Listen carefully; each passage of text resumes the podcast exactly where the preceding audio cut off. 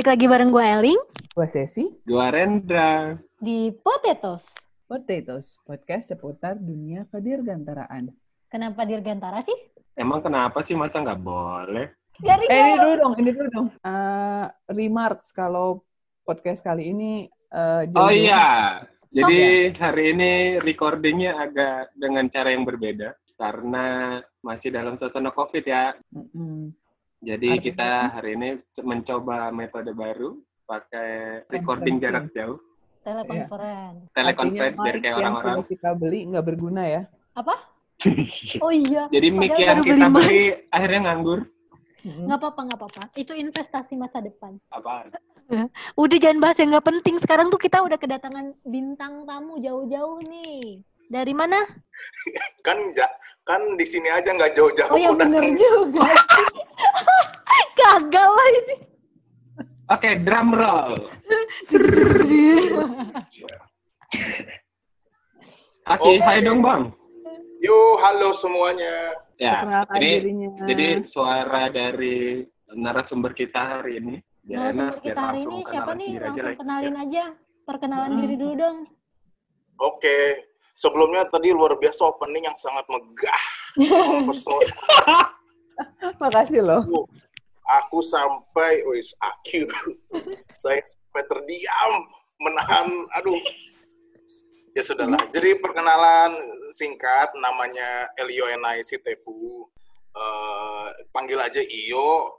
Em, sekarang apa aja nih yang mau dikenalin ya Eh, Bebas. ya udah sekarang ini lagi tahap penulisan eh, eh, tesis buat PhD semoga Hmm. dalam waktu tiga bulan kelar nulis terus semoga dalam waktu ya dua bulan setelahnya udah bisa dapat doktor gitu Wih. Amin. Dokternya di mana nih? Iya, PSG-nya oh iya dokternya nih ah, ini ini dari eh, sama loh sama hostnya ada Kak Sezi sama Kailing sama-sama dari Cranfield University Uh. Uh. Ada itu di Ambil. mana? kenapa Ambil studi apa, Bang? Oh, uh, uh, PhD-nya itu di bidang astronautics. Jadi ya Hmm. mirip-mirip lah sama aerospace sama dirgantara, cuman sedikit-sedikit di luar atmosfer. Oke. Nyambung nih sama bahasan kita kali ini. Yes. Ya iyalah. Kayak, ah, kan kan gue mau gimmick ceritanya, cuy. Gimana? Dan kebanyakan gimmick. Ya, Jadi hari ini kita memang mau bahas yang luar angkasa luar angkasa gitu ya kayak. Biar Wow, kenapa dirgantara sih gitu ya? Iya. Gimana kak? Iya, maksudnya biar ketika kita pada di rumah aja, kita sekarang keluar dari bumi deh gitu. Kita bahas yang ada di Oh iya. nih. luar biasa. Kok cakep skrip sih lo, Kak? Jadi bahasan kita kali ini apa? Kak Sesi kali yang jelasin. Loh, tuh. Oke.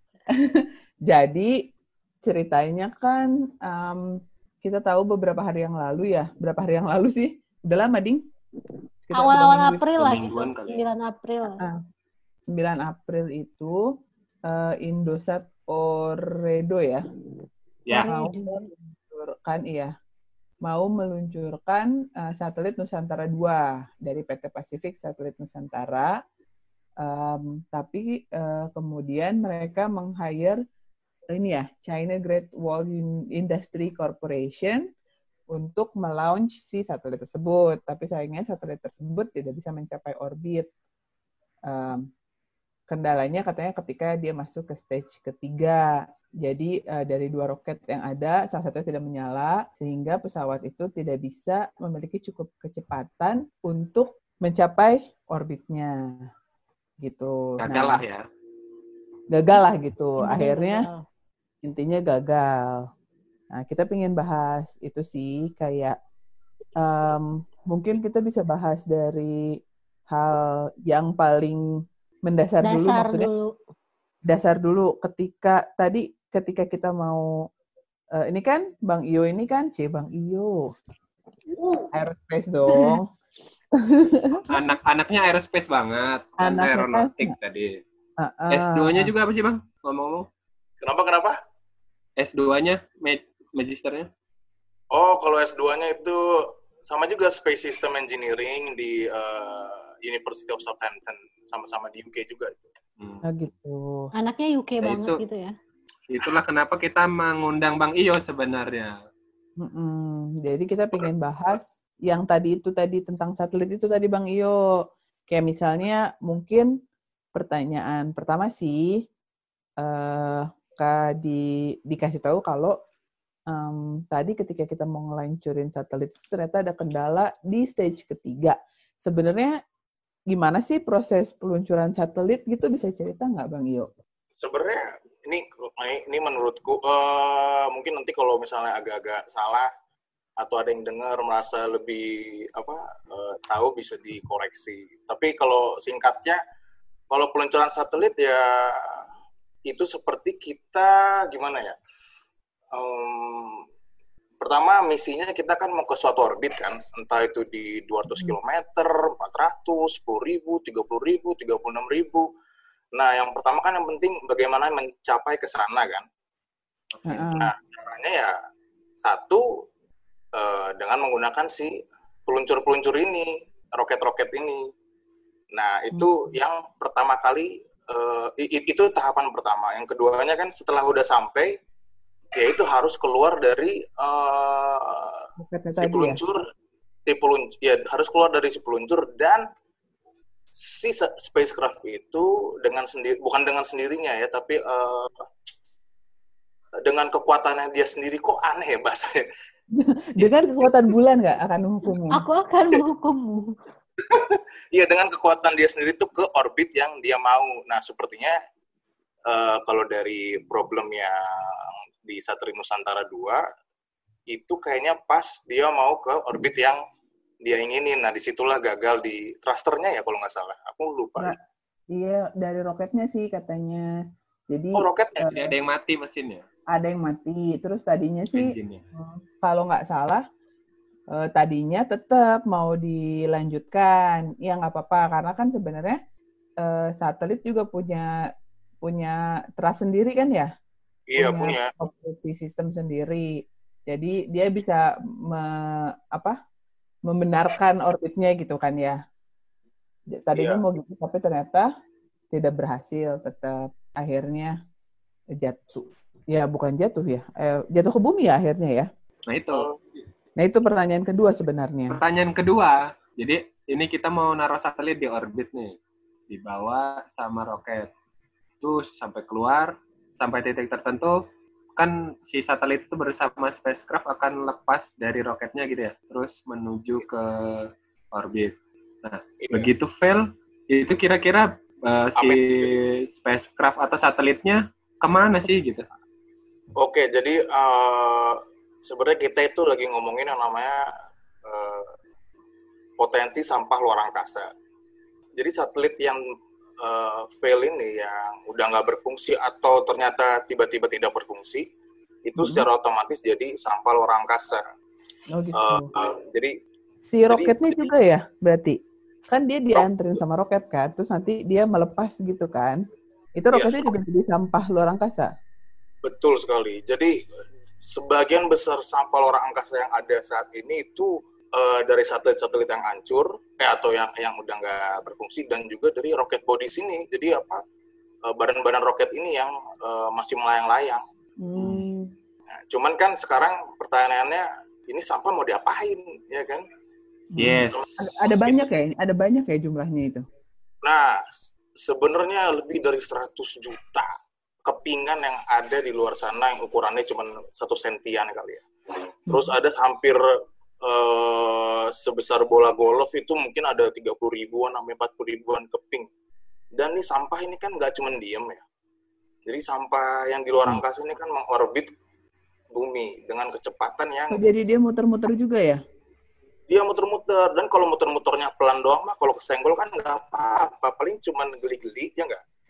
Nah, tapi ini dia kecepatannya dengan uh, apa uh, contohnya aja kalau dia di low Earth orbit, jadi low Earth orbit itu sekitar 400 sampai misalnya 2000 km di atas permukaan bumi, itu kecepatannya kira-kira sekitar 7,8 km per second si satelit itu tuh.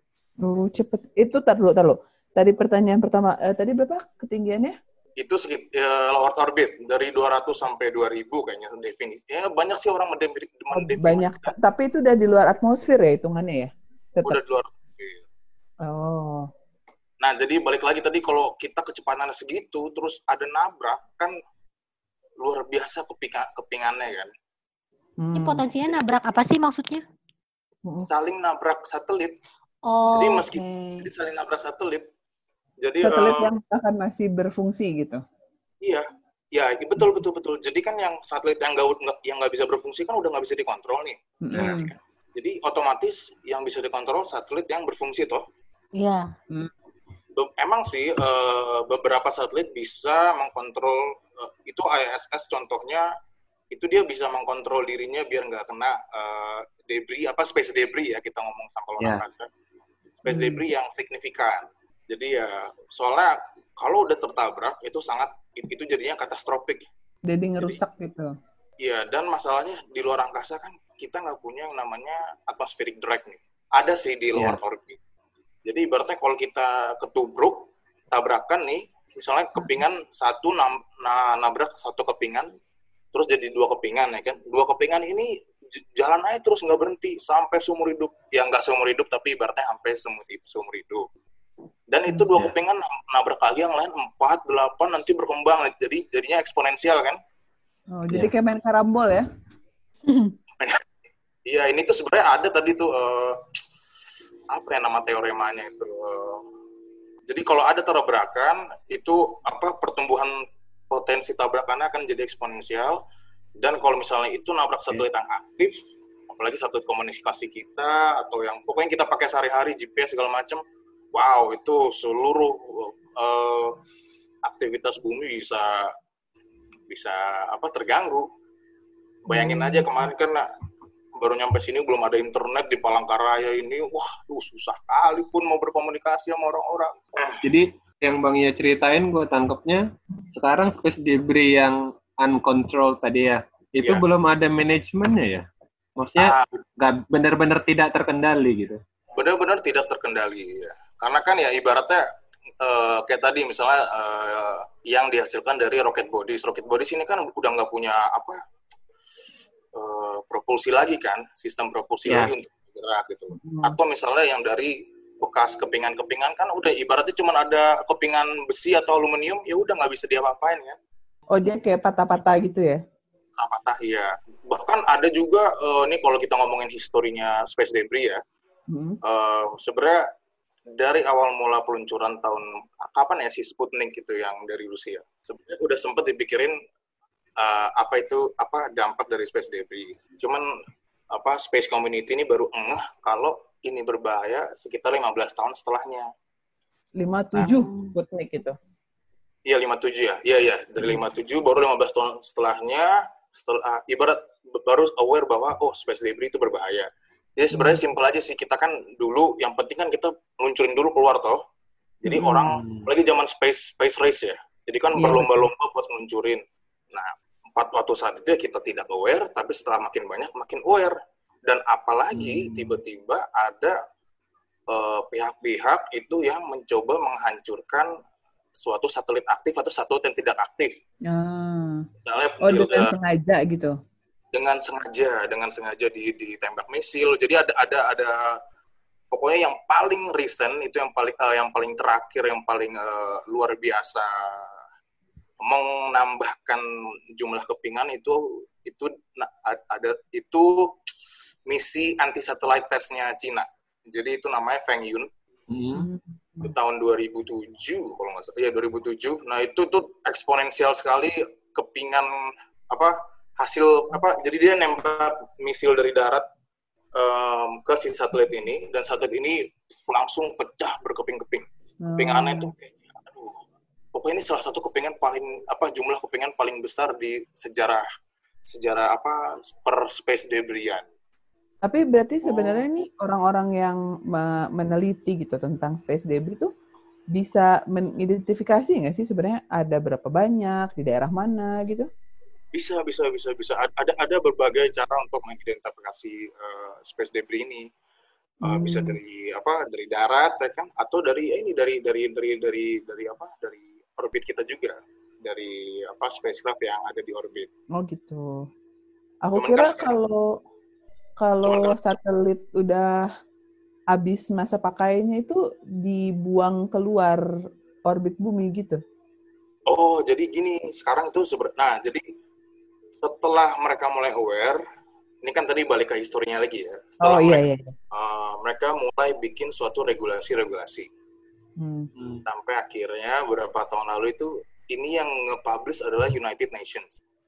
Ini Hmm. di- dia ngebikin suatu guideline buat uh, memitigasi sampah luar angkasa.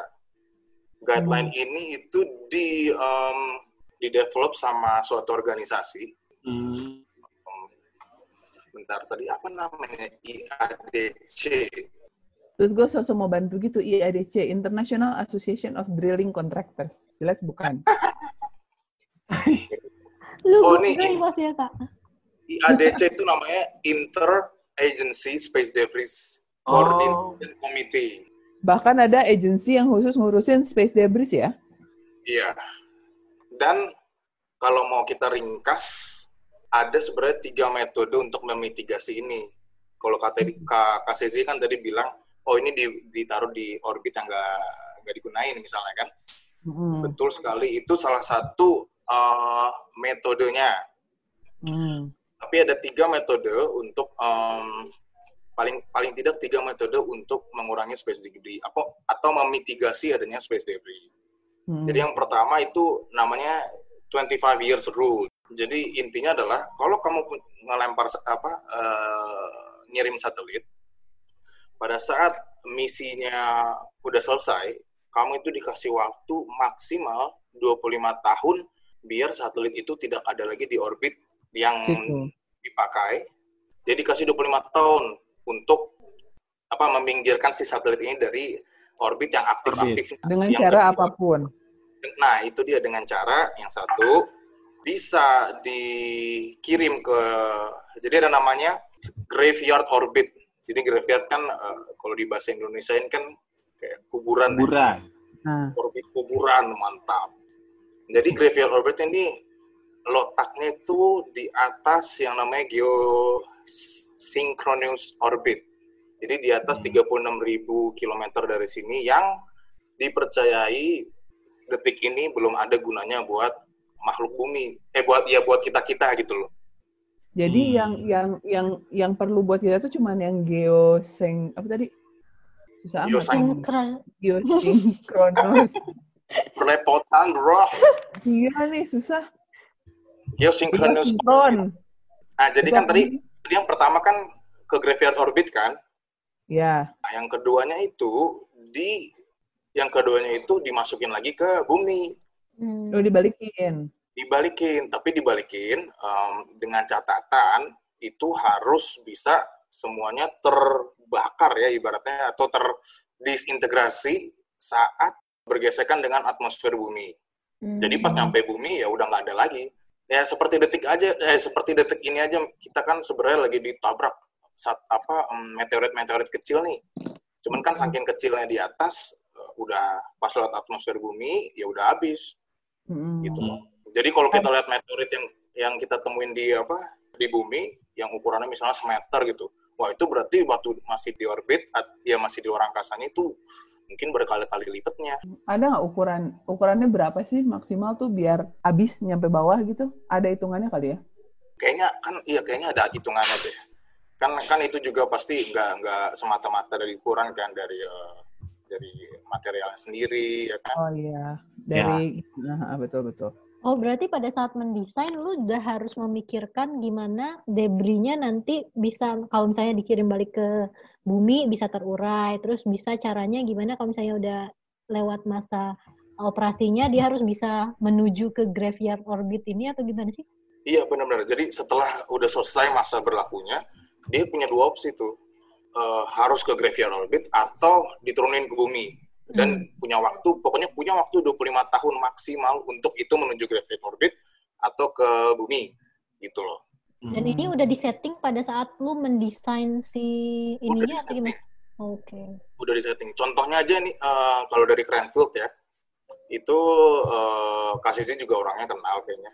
Jadi dia itu PhD-nya tentang space debris mitigation.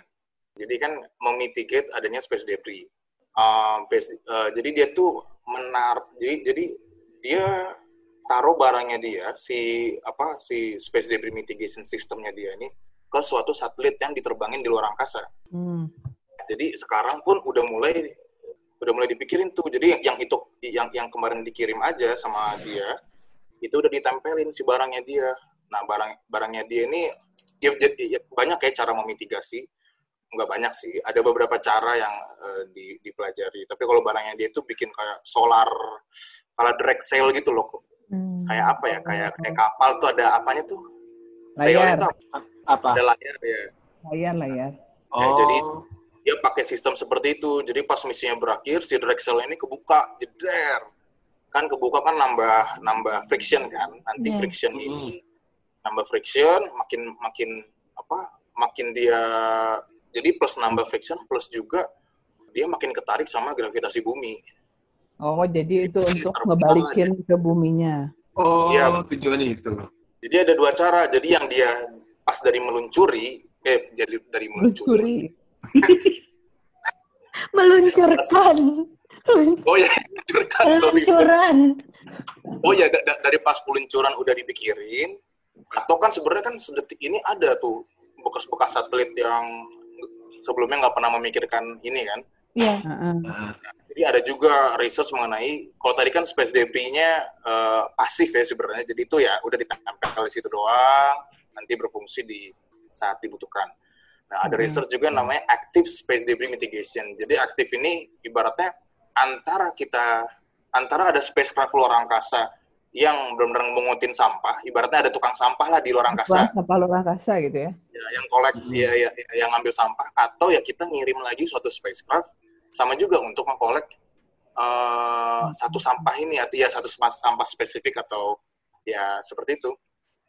Hmm. oh. Ada deh masalah sampah ini nggak cuma di bumi, tapi Di juga bumi di luar angkasa. ya. Luar biasa manusia ini ya, merusaknya. Iya. Merusaknya bukan cuma ke dalam laut, tapi keluar angkasa juga. Bayangin udah ada 100 juta lebih loh kepingan sampah. Itu seperti Di ke luar Indonesia tuh. Gitu ya. Iya. Dari sekian 100. banyak ini, kira-kira yang udah terselesaikan berapa persen? Atau ada nggak sih perhitungan itu? Kayaknya, kayaknya belum ada yang berhasil. Jadi Oh. eh, aku eh, ada misi dari Jepang.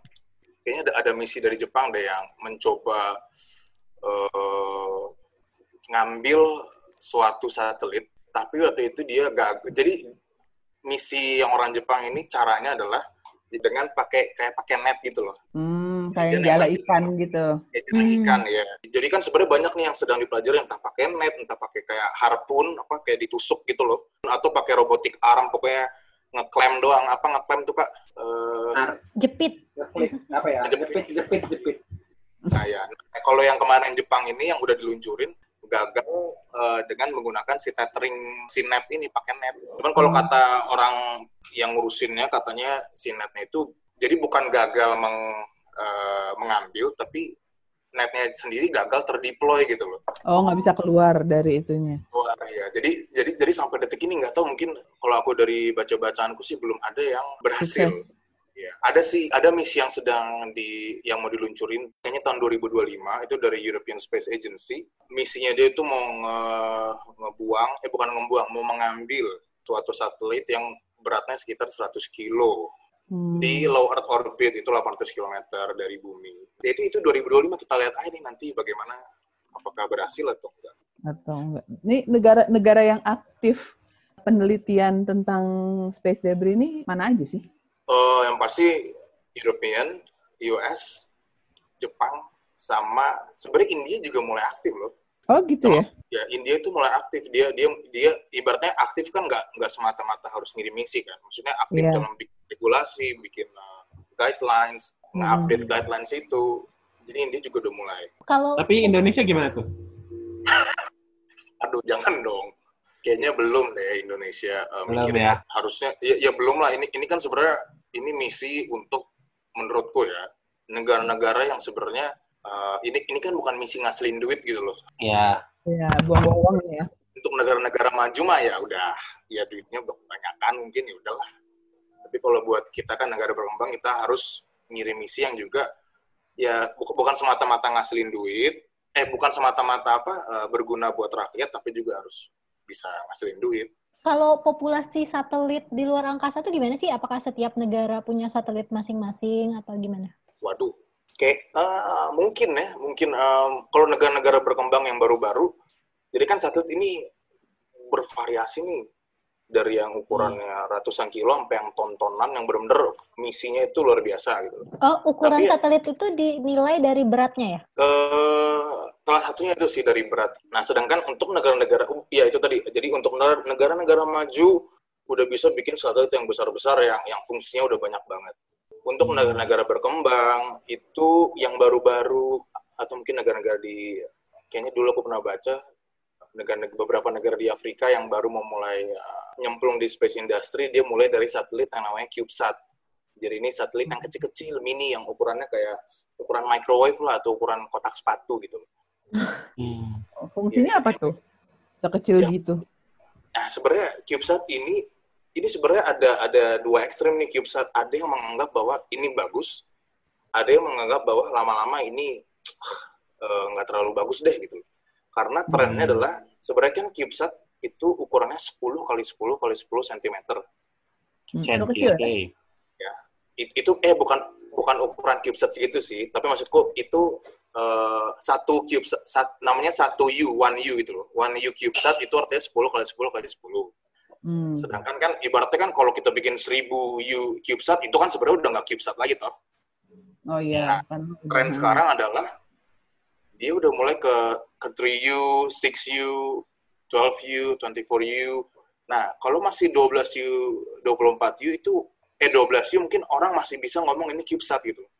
Tapi hmm. kalau udah mulai lebih dari lebih dari itu orang udah bilang ini uh, apa namanya mini satu mini satelit apa aku lupa di atasnya lagi ada small satellite itu berarti sekitar 1,2 meter ya iya 120 cm benar iya ya dan ya itu tadi jadi ada yang ada yang positif karena mereka bilang ini CubeSat ini bagus karena salah satu fungsinya adalah kita bisa ngetes suatu teknologi uh, yang belum mature dites di luar angkasa dengan cost yang rendah gitu loh.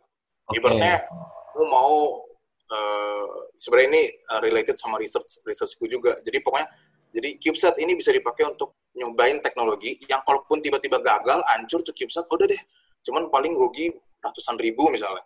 Dibanding kalau, hmm. oh, misalnya kita udah ngitung-ngitung di kertas, di komputer, nih pede nih, eh, teknologi A ini bisa berhasil, dikirimlah kok, misalnya ke Mars Rover, yang harganya udah million sampai billion mungkin. Ntar, ini unitnya apa nih? ratusan ribu USD atau rupiah? ya, ya itulah USD. Oh, ratusan ribu rupiah kita bikin juga dong. Makanya. Berarti CubeSat ini lebih ke arah eksperimen gitu ya, untuk membuktikan suatu eksperimen gitu. Nah, Terus? Jadi bisa satu membuktikan apa apa ngetes suatu teknologi atau dua sebenarnya sebenarnya awal mula CubeSat sendiri itu untuk students. Nah. Jadi ini suatu apa aku lupa ada satu universitas di Amerika dia bikin yang namanya istilah CubeSat. Jadi satu U deh intinya cuman intinya cuman untuk ngetes teknologi yang udah udah udah mature bahkan. Jadi untuk student benar-benar latihan belajar untuk oh ini lo satelit, gini ini lo merangkainya. Itulah awal mula wow. CubeSat. Hmm, keren. Ya, jadi balik lagi ke dua ekstrim tadi ada yang bilang makin ini bagus, tapi ada juga yang bilang ini kayaknya udah mak makin gak terlalu berfungsi karena tadi orang makin lama nggak employ uh, CubeSat tuh untuk misi-misi yang ekstrim gitu. Jadi akibatnya oh ini jadi 12U, 24U yang akibatnya ah, ini mau udah bukan CubeSat lagi gitu loh. Hmm. Jadi ah udahlah kayaknya makin lama CubeSat nggak bakal di ini ini ini ekstrim orang ya orang yang satu lagi. Makin lama jadi berpendapat bahwa makin lama ya CubeSat ini nggak dipakai lagi karena ya jadinya uh, small satellite aja gitu loh. Terus diluncurinnya ke mana CubeSat ini? Banyakannya, nah banyakannya itu di lower orbit. Biasanya ini berpotensi membuat sampah lagi dong. Iya, nah tapi kan, nah bagusnya adalah kan tadi nih sampah-sampah nih ada yang bisa ter disintegrasi di atmosfer ya kan. Ada yang nggak Hmm. bisa, bukan nggak bisa sih yang lama banget. Nah, Hmm. CubeSat CubeSat ini kan kecil-kecil aja ukurannya. Hmm. Jadi eh, jadi kalau dia makin kecil ukuran ya ya eh, asumsi material semua sama ya. Dengan dia Mhm. kecil tadi kan makin gampang terbakar di atmosfer kan. Betul. Makanya tadi kita ngomongin meteorit aja gitu loh. Hmm, iya iya iya iya. Makanya memang sengaja juga bentuknya kecil. Jadi dia cuma diluncurkan untuk dites, kemudian ya sudah dia hancur lagi gitu ya, tidak tidak berpotensi tinggal di sana. Iya. Benar. Dari semua itu bang, ada yang badan atau apa ya semacam organisasi yang mengkoordinir gitu. Pertama soal kita ngomongin slot orbit itu kan misalnya negara A ke- harus punya hak di mana.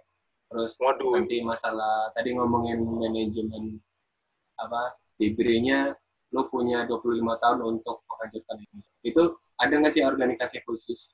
Nah, itu aku kurang aduh kalau kalau yang jadi organi jadi ah, ini ini ag- agak susah sih gitu loh. Jadi ibaratnya kalau orang US yang bikin peraturan eh, kita orang yang di negara lain mau-mau aja gitu buat ikutin gitu loh. Jadi ada yang jadi ini sebenarnya kalau saya sendiri masih bingung gitu loh apakah benar-benar udah ada yang eh, nge-manage ini dengan dengan ini loh dengan tidak fleksibel bukan tidak fleksibel dengan apa ya pasti apa ya katanya ya.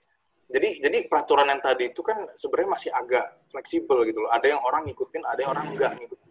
Oh, Hmm, oke. nggak wajib lebih ke himbauan gitu ya. Iya, tapi nah itu dia makanya aku juga harus harus eh, baca-baca lagi sih update yang terkini sekarang tuh seperti apa. Ya kan artinya nggak ada hak khusus gitu ya misalnya atau lebih dibalik deh semua negara tuh berhak untuk melakukan aktivitas peluncuran satelit ini gitu. iya dan dan juga kan kita mikir juga dong. Maksudnya nggak semua negara bisa punya teknologi untuk eh, misalnya dia ngirim satelit tadi terus satelit itu bisa keluar lagi kan nggak semua negara udah bisa sampai sana kan. Ada yang cuma Iya. masih eh, ngirim doang gitu. Hmm. Jadi ya itu tadi ini regulasi ini tuh masih eh, agak-agak Terlalu ya itu eksklusif ya. Eksklusif untuk negara-negara yang udah lebih maju gitu kali teknologinya. mungkin mungkin mungkin mungkin ya. Kalau Indonesia sendiri posisinya gimana? Baru ngirim satelit Waduh. aja. Baru ngirim ya? Ba- iya. Cuman aku sebenarnya nggak nggak terlalu ngikutin yang si eh, Nusantara 2 jadi agak susah buat ngejawabnya. Ah, Harus dicarikan sumber lagi nih. Eh. Ini aja deh kita kembali lagi ke tadi ke ke ke ke CubeSat ya. Mm. Menarik juga. Kan tadi kan katanya CubeSat itu tadi dipakai untuk uh, penelitian-penelitian apa membuktikan penelitian eksperimen ya daripada misalnya kayak tadi orang-orang kan ya apa kayak misalnya NASA gitu ngirimin Curiosity ke Mars karena tujuannya mereka ingin mempelajari Mars gitu kan. Nah, CubeSat ini apakah juga dipakai untuk kayak gitu? Kalau kayak gitu, apa sih yang mau dipelajari memang biasanya dengan ukuran yang mini itu gitu? Jadi kalau misalnya jadi jadi gini loh. eh, pokoknya aku ini ini aku di- sedikit apa mungkin nambahin dari yang sebelumnya yang tadi Hmm. barusan Kak Sesi bilang. Jadi kan kita harus ingat juga kalau CubeSat eh, tadi berangkat itu dari students eksperimen gitu. Bukan Hmm. students eksperimen, apa latihan buat students untuk ngirim suatu satelit ke luar angkasa. Jadi, Jadi awal- ya, apa namanya kalau boleh diklasifikasikan itu kayak akademik ya, bukan industri besar gitu kan? Ya benar benar benar lebih ke akademik. Heeh. buat belajar aja, buat belajar sampai sekarang udah mulai dipikir apa space space agency yang gede-gede udah mulai untuk mengutilisasi si CubeSat ini untuk misi-misi luar angkasa. Nah, Hmm. tadi kalau nih atau misalnya asteroid atau apa pun itu. Jadi kan eh, contohnya eh, ada contohnya sebenarnya banyak studi sih. Salah satu contohnya adalah misalnya CubeSat ini nebeng di suatu spacecraft. Jadi ada namanya mothercraft dan si anaknya ini namanya si CubeSat CubeSat ini. Biasanya misalnya nih eh, si mothercraft-nya ini kita pergi bareng ke suatu asteroid ya Hmm. hmm. Biasanya ada kemungkinan pas nyampe di kan kan belum landing nih misalnya nih eh misal, mis- misalnya misinya mau landing di suatu asteroid ya kan Si Nah, bisa mother-nya nih. ya bisa jadi di si mothercraft-nya ini udah nyampe dekat-dekat sana dia ngeluarin si CubeSat CubeSat ini kecil Heeh. untuk nge ngelihat aja ngeobservasi uh, tirennya seperti apa di si asteroid tersebut. Hmm. Jadi tetap bisa si CubeSat CubeSat ini dipakai untuk misi-misi yang udah udah udah saintifik gitu loh. Hmm, Jadi biasanya CubeSat ini yang dibawa apa dong? Tergantung Ah. misi. Ya tergantung tergantung tergantung tergantung misinya gitu. Contohnya gitu kan nggak kebayang, nggak kebayang gitu. Jadi em, apa ya? Kalau Kalau di- penelitiannya Bang Iyo deh. Oh, boleh tuh. ya kalau kalau penelitian itu juga kan related banget sama CubeSat. Jadi aku bikin suatu payload yang kompatibel sama CubeSat gitu loh.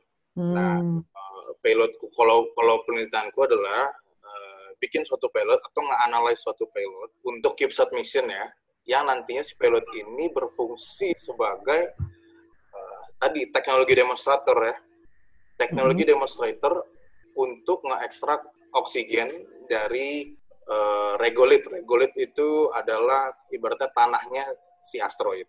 Nah, tadi Oh. kenapa pakai tadi kan kenapa pakai CubeSat? Ya kan? Ya udah ini untuk nih kita punya teknologi A ya kan. Jadi teknologi A ini dipakai apa di- ditempel di CubeSat biar CubeSat ini aja yang coba. Kalau teknologi A berhasil, oke deh kita gedein ki- kita pelajari lebih lanjut.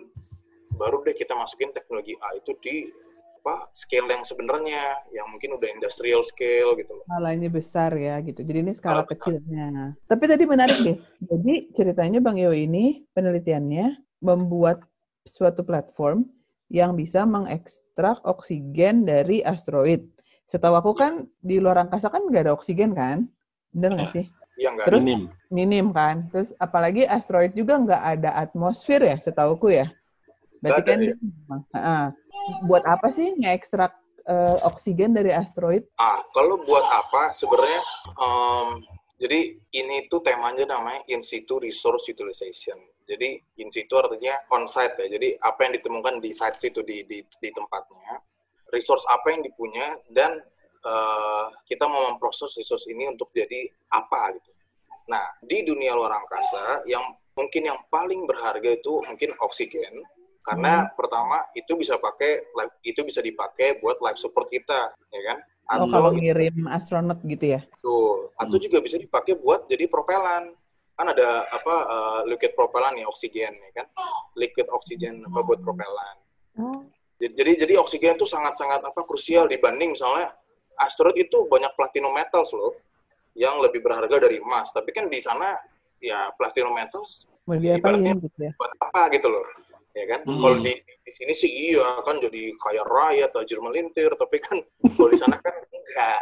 Jadi di sana yang penting, yang paling yang eh, pokoknya yang yang salah satu yang paling penting itu oksigen, hidrogen sama air sebenarnya, water. Karena water Hmm. juga bisa, bisa dibikin propelan. Hmm. Nah, jadi cuman kan tadi asteroid kan nggak ada tuh atmosfernya kan. Heeh. Jadi ngambil oksigennya dari mana? Nah, sebenarnya ada suatu studi kalau di asteroid itu di tanahnya asteroid. Jadi asteroid kan berbagai macam nih, ada C-type, S-type. Jadi ada yang carbonaceous, ada yang eh, stony asteroid, yang kayak gimana ya, me- eh, yang metallic metallic asteroid. Nah, jadi di C-type asteroid ada suatu studi bahwa ini itu di tanahnya itu mengandung ibaratnya mungkin 10 sampai 12 persen oksigen. es batu, es batu ya namanya. Ya water ice lah. Jadi ibaratnya kalau kita megang tanah, 12 persennya itu ada sebenarnya ada segelintir apa es batu es batu kecil. Nah, proyekku itu ya itu tadi kita target kita ambil tanahnya, si es batu es batu kecil itu kita ekstrak oksigennya. Hmm. Kan H2O kan, jadi Iya, O-nya iya. bisa diambil. Nah, Hmm. sebenarnya banyak cara gitu loh, nggak cuma H2O-nya doang. Kan di sana ada ada, ada kompon namanya misalnya uh, sili silikon uh, silik silikon oxide SiO2. Nah, ini juga bisa diambil nih O2-nya jadi dari si kompon ini, cuman ya dengan metode yang berbeda. Oh, jadi kayak ini ya, kayak kimia-kimia gitu ya, memecahkan molekul besar jadi molekul kecil yang diperlukan gitu ya, atom apa sih? Kurang Iya. pintar. Heeh. Ya cuman tadi kan karena Sabar kak, sabar. ya cuman tadi kan ini kan karena pakai ini CubeSat, ya kan. Jadi ya kita ngambil yang paling gampang dulu, apa ngetes teknologi yang paling gampang, yaitu itu tadi ngekstraksi airnya aja lah yang paling gampang, ya kan. Kalau ngekstrak air tuh jauh lebih, maksudnya di di di, di kasus ini ngekstrak air itu jauh lebih gampang. Waduh, anak gua nangis. ajak ajak ajak siaran sini.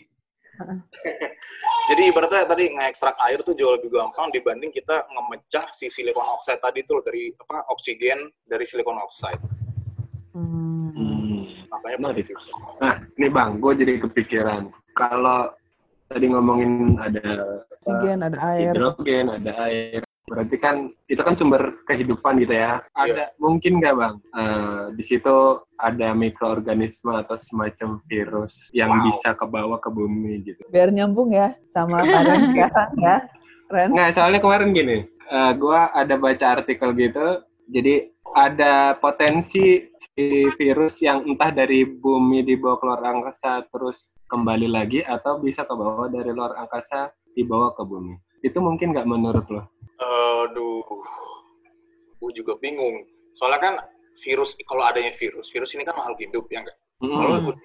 ada makhluk hidup di luar angkasa, berarti ada alien dong, gitu loh. Alien kan suatu suatu suatu makhluk hidup, ya kan? Jangan-jangan iya, iya. alien itu nggak harus besar kan ukurannya bisa kecil. Maksudnya satu mikroorganisme pun itu adalah suatu makhluk yang kita nggak tahu gitu, yang unidentified gitu loh, Hmm. Ya, alien gitu. Jadi ya ah, bingung juga. atau ada nggak penelitian ke situ deh? Barangkali gitu. Aku, aku kurang tahu. Itu kan kayaknya udah ke astrobiologi kan. Oh, Hmm. ada itu ya? Lu taunya astrologi sama- doang sih, Ren. Ker- Keren ya? Bodoh. Maksudnya eksplorasi manusia itu udah sejauh itu gitu. Kalau udah ada judul atau apa ya, sub subjeknya lah. Berarti kan dipelajari. Iya, sebenarnya eh, contohnya ini di di Cranfield juga eh, dia itu ngirim yang namanya cacing gitu, kayak cacing untuk keluar angkasa. Sekarang itu lagi, buat lagi lagi lagi ada proyeknya nih. Lagi lagi Tujuannya ngapain tuh bang? Itu dia dia mau mencari tahu apa sih efek atmosfer ini di luar atmosfer terhadap suatu makhluk hidup. Dan kenapa cacing? Serius Nah, itu itu Cacing ah, itu keluar nggak angkasa. tahu tuh. Ada Biar bisa muat di CubeSat kayaknya. Kenapa kenapa? Biar bisa muat di CubeSat kayaknya. Ah, nggak aduh, ya nggak tahu. Iya sih emang ukurannya ukuran CubeSat sih, ukuran kecil gitu loh. Berapa biji sih? mungkin Aduh, cacingnya nggak bisa tahu bertahan berapa. lama. Kenapa? Kalau tahu berapa biji? namanya? Terus kayak Kenapa? lebih concern sama cacingnya sekarang. Namanya larva, bukan cacing. udah ya, udah, udah. Oke, sama ada ini yang menarik nih bang. Agak rame nih kemarin. Agak nyambung soal flat earth. Tapi sebenarnya bukan flat earth yang pengen gue bahas. Lagi rame-rame kan sekarang soal apa namanya? Konspirasi. Eh, konspirasi soal COVID. Sambungin sama flat earther tuh bilang Oh, flat earth. ada komentar soal satelit nih. Satelit Iya. itu katanya project konspirasi yang cuman tujuannya untuk ngambil uang gitu. Sebenarnya itu nggak pernah ada gitu. Ada yang meyakini seperti itu. Terus buat apa gue di sini? Maksud gua bang, bisa nggak lo apa? orang pertama pertama maksud gua orang yang menekuni bidang itu mendengar komentar seperti itu gimana sih? Sebenarnya jangan-jangan flat earthers atau bumi datar itu juga konspirasi. Ayo, untuk mengalihkan suatu isu misalnya ya kan? Waduh, bingung nih. atau atau komentar lo deh nggak usah nggak usah ngomongin apa ya nggak usah ngomongin teori segala macam deh ada orang ternyata berpikiran begitu dan nggak nggak sedikit loh Aduh, gimana? Gimana? Aduh, gimana ya? Sebenarnya kalau kalau mau paling gampang ya udah ibaratnya lu masuk ke kasih kamera ya kan terbangin aja balon luar angkasa kan banyak tuh pakai parasut apa diterbangin ke luar angkasa Hmm. suruh aja mereka yang bikin sendiri itu kameranya taruh keluarin kalau ada lengkungannya ya udah kalau kelihatan bunder ada bunderannya ya udah udah udah udah toh harusnya. Dia masih kelihatan bundar. kenapa? Belum belum bulat.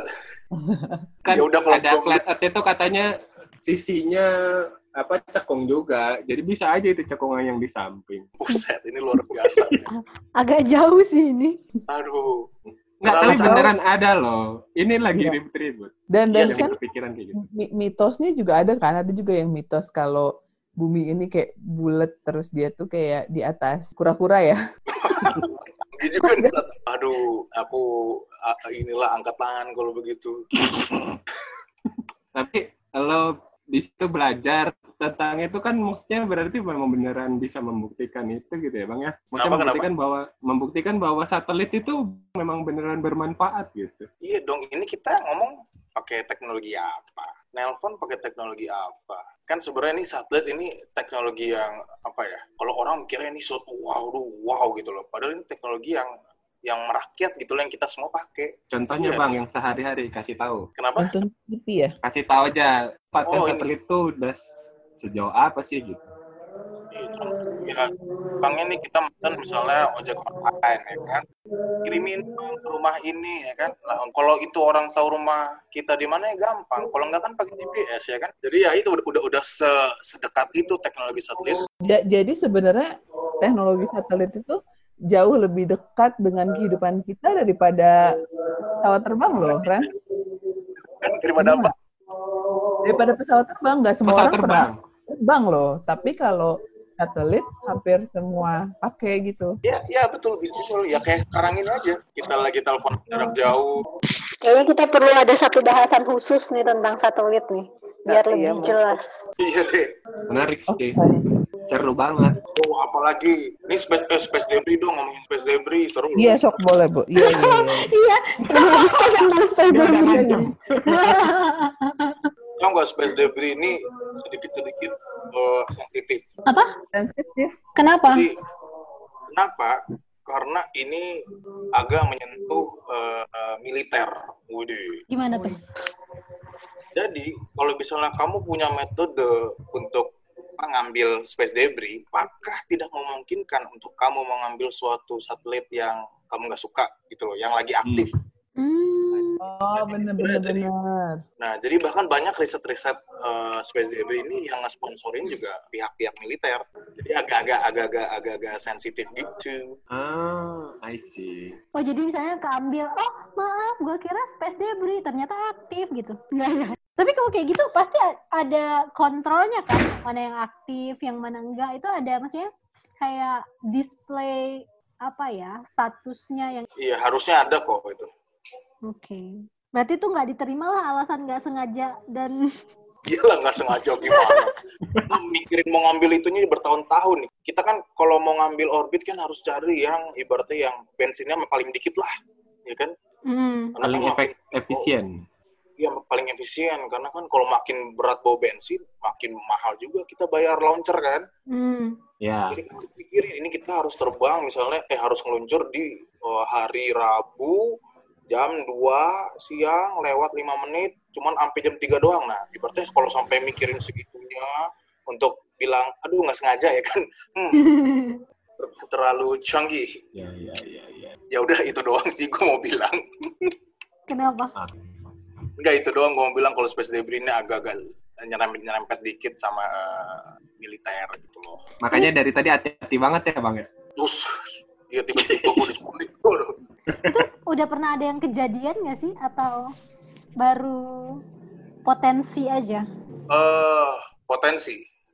Cuman emang ya tadi itu eh, ini ngancurin satelit itu nggak cuma sekali loh, udah beberapa kali. Hmm. Jadi ngirim misil apa percobaan ngirim apa ngirim misil dari eh, eh, laser atau mis- misil dari dari apa dari ground base dari apa Hmm. namanya dari bumi itu udah udah terjadi beberapa kali. Ini ini somehow agak nyambung loh sama obrolan kita yang terakhir yang ngobrolin tentang misil. misil Iya, ya Iya, kayak teknologi nanti ke depannya kan kalau kalau menurut dia sebagai teknologi pertahanan itu apa laser beam ya dari satelit Hmm. itu kan. Ya. Ya laser kayak beam. itu cuma nah, the other way around dari ya gitu deh. Iya. Nah kalau kalau kalau di di bidang space debris yang gue tahu, mereka itu pakai la- laser beam itu buat eh, bukan buat ngancurin. Eh nggak tahu ya kalau di teknologi yang tadi dibilangin itu buat ngancurin atau enggak. Tapi kalau di sini sih, kalau di space debris biasanya buat apa? Ngedirect, eh, jadi ngasih gaya tambahan. Apa nge, nge- ibaratnya ngasih push-push. Proporsi ya. Pakai laser. Iya. Oh gitu bisa ya? Laser Ah. itu ngeluarin. Aku pikir kalau ngeluarin apa memberi gaya tuh harus sesuatu yang kayak kalau pesawat gitu kan. Emang apa ya? Teras itu apa? Panas ya? Bukan juga. Iya, ini iya. Bi- bisa ini sih kalau dari aku baca bahasa sih ya. Jadi momentum si laser beam ini uh, laser beam photons ya, itu bisa Hmm, ibaratnya trust-trust kecil untuk si debris-debris yang uh, yang yang kecil-kecil sih untuk dia bisa bergerak ke orbit-orbit lainnya. Keluar iya. Dan setahu aku tuh satelit juga memang tiap satelit tuh membawa sedikit fuel kan karena dia harus selalu mengoreksi uh, posisi kan. Iya, itu namanya station keeping biasanya. Hmm. Jadi koreksi koreksi posisi. Terus kenapa nggak kira-kira mungkin nggak tuh pakai laser-laser itu buat ngancurin space debris gitu? Siapa tahu Mungkin- jadi lebih kecil nggak ganggu gitu. Ya mungkin buat ngan, eh bukan ngancurin tapi ya buat geser-geser kali mungkin. Ya itu tadi, jadi banyak metode sebenarnya yang dipelajari, cuman kan ya itu belum ada metode satu yang paling Yang efisien. paling oke. Metode yang pertama yang dicobain kan dihancurin benar-benar dihancurin tuh, di, ditembak ibaratnya. Itu malah jadi apa hancur lebur kepingannya beribu-ribu. Yang malah jadi bahaya banget kan. Jadi kalau dirimu sebagai seseorang yang pernah belajar mengenai space debris, mana sih sebenarnya yang paling efisien dan efektif? Dilempar keluar atau dikembaliin ke dalam bumi? Eh, kalau jadi ini tergantung nih. Jadi opsi dilempar keluar sama dibagiin ke bumi ini eh, itu applicable ke beberapa em, gimana ngomongnya sebentar. Jadi ibaratnya gini, em, si graveyard orbit itu kan letaknya di di atas 36.000 km dari bumi. Jadi di, di 36.000 km itu itulah tempatnya si eh, geosynchronous orbit eh satellite sama yang geostationary eh, satellite di sanalah tempatnya mereka berada. Nah, jadi kalau mereka disuruh untuk balik ke bumi itu terlalu gede delta V-nya. Delta V itu ibaratnya energi yang harus dikeluarin buat gerak dari situ ke, ke kembali ke bumi. Itu terlalu gede, otomatis butuh fuel banyak, otomatis pas berangkat bawa fuel banyak banget dan cost terlalu besar. Nah, Hmm. jadi untuk orang-orang apa untuk satelit-satelit yang posisinya di sini, mereka dianjurkan ke graveyard orbit. Tapi kalau satelit-satelit yang ada di low Earth orbit yang cuma di 600 km, 400 km, ya mereka dianjurkan untuk balik lagi ke bumi. Jadi gitu loh. Jadi apa dua solusi itu bisa dipakai ya tergantung si satelitnya. Berarti masih dal- terus dalam tahap riset atau development gitu ya Bang ya untuk metode terbaiknya. Iya. Ya orang belum ada yang berhasil tuh satu, jadi ya belum tahu kita. Bang Iyo nanti nyiptain lah ya metode yang terbaik. Oh iya, bareng dong kita. Nah, siap. Oke. Beda-beda Ini nggak? udah sejam, udah lumayan seru. Iya. Tapi karena keterbatasan waktu Oke. biar orang juga nggak ini, mungkin kita buat sesi berikutnya kali ya. Tapi Siap. sebelumnya, eh, ini kan Bang Iyo termasuk nisel, boleh di- dikatakan nisel lah ya, eh, subjek yang dipelajari itu astronautik ya. A- a- apa sih? Astronautik. Iya. Nah ini kan mungkin di Indonesia juga belum banyak ahlinya gitu-gitu. Mungkin mau memberikan statement something terkait gitu atau apa buat pendengar potatoes. Luar biasa, Bung. Bung. Eh, Kak Sezi, ayo dong bantuin. Oh, kok gua. Gini di kalau menurut gua tuh ya, kalau boleh ada satu kesimpulan besar nih dari percakapan kita menarik banget soalnya kan. Kayak kita belum pernah Oke. ngobrolin tentang luar angkasa. Ya itu tadi kayak gila ya manusia itu ya, bukan cuma di bumi aja loh nyampahnya, tapi juga di luar angkasa gitu. Hmm, Bijak banget Tapi tuh hari ini. Bijak banget. Nah, tapi terus bijak tadi banget. lanjut dari pertanyaan Eling tadi bahwa berarti kalau misalnya kita bikin sekarang kalau kita mau ngirim sesuatu keluar angkasa kita harus udah mikirin gimana cara ngebuangnya kan. Menurut gue itu berarti kayak berarti eh, desain di bidang satelit lah persatelitan atau astro gitu lebih holistik ya. Dia beneran mikir sampai disposal gitu. Sedangkan terkadang kita kayak misalnya kita waktu kita desain pesawat pun kalau boleh jujur nggak mungkin nggak semuanya sudah memikirkan nanti disposalnya seperti apa gitu ada nggak Iya, iya. Iya sih. Kan ya, makanya kan berarti butuh banyak orang ahli nih. Mm-mm, Iya. betul Bang Iyo barangkali mau ngajak-ngajak orang meracuni gitu biar Luar Ikut. biasa. jadi engineer gitu. Wih, apa ya aduh ya hari ini. Scientist kalian. Oh ya saintis, saintis sorry. Jadi sebenarnya dunia astronautik itu kita masih tahu sangat sedikit. Ya, Hmm. jadi masih banyak banget yang perlu dieksplor. Hmm. Jadi ya untuk ya Kalau teman-teman benar-benar apa cinta dengan kedirga, uh, kedirgantaraan, dengan, dengan astronautics juga, ya ya ayo belajar astronautics. Susah nggak sih bang? Kenapa? Enggak lah, enggak enggak enggak terlalu. Maksud gue kayak mak maksud Q. Uh, menurutku ya, menurutku ya. Ini ini ini, ini aku jujur. Uh, kenapa aku ngambil PhD di astronautics tapi bukan di uh, aerospace atau aerodinamik atau apa? Karena ibaratnya kalau ngambil di aerodinamik atau aerospace itu untuk bikin improvement itu sangat uh, menurutku effortnya sangat besar karena dunia aerospace sendiri atau aerodinamik developmentnya itu udah uh, jauh lebih berkembang dibanding astronautics ibaratnya gini loh, uh, dulu mobil jam misalnya 50 tahun yang lalu mobil kecepatan maksimum 20 km per jam. Terus dalam waktu lima tahun kita udah bisa bikin kecepatan maksimum 10 km per jam, eh 100 km per jam. Tapi detik ini kan untuk naikin dari kecepatan maksimum 300 ke 301 km per jam itu stadinya aja banyak kan. Nah menurutku hmm. aerospace itu di situ gitu. Sedangkan astronautics itu masih di 40 tahun lalu yang di, yang di mana masih banyak banget yang bisa dieksplor. Ibaratnya untuk naikin dari 50 ke 100 itu masih banyak banget. Ibaratnya ya masih masih de, le, aduh nggak nggak bijak juga sih kalau ngomong lebih mudah, tapi kemungkinan lebih mudah untuk mengimprove efisiensi dari suatu uh, space system gitu loh. Oh. Ya, tem kalau teman-teman yang mau belajar astronautics, ya nggak, harusnya sih nggak terlalu yang gimana-gimana, nggak nggak yang, aduh nggak ada yang susah di dunia ini. ada kesusahannya masing-masing lah ya. Kayaknya iya, kalau mau belajar ya. Iya. Kalau kalau kalau kita mau, kalau kita apalagi benar-benar apa interestnya tinggi untuk satu hal kan pasti dijabanin aja gitu. Kayak ya, seolah-olah waktu dia... berjalan lebih lambat di luar angkasa gitu gak sih? Yes, ya habis kayak teknologinya kan masih kata Iyo masih banyak yang perlu dikembangkan gitu nggak kayak yang uh, apa namanya? Oh iya iya. Artinya masih banyak banget yang bisa dipelajari, dieksplor. Jadi sebenarnya lebih menyenangkan harusnya ya. Ya tergantung sih kalau lo bilang menyenangkan itu sangat subjektif sekali.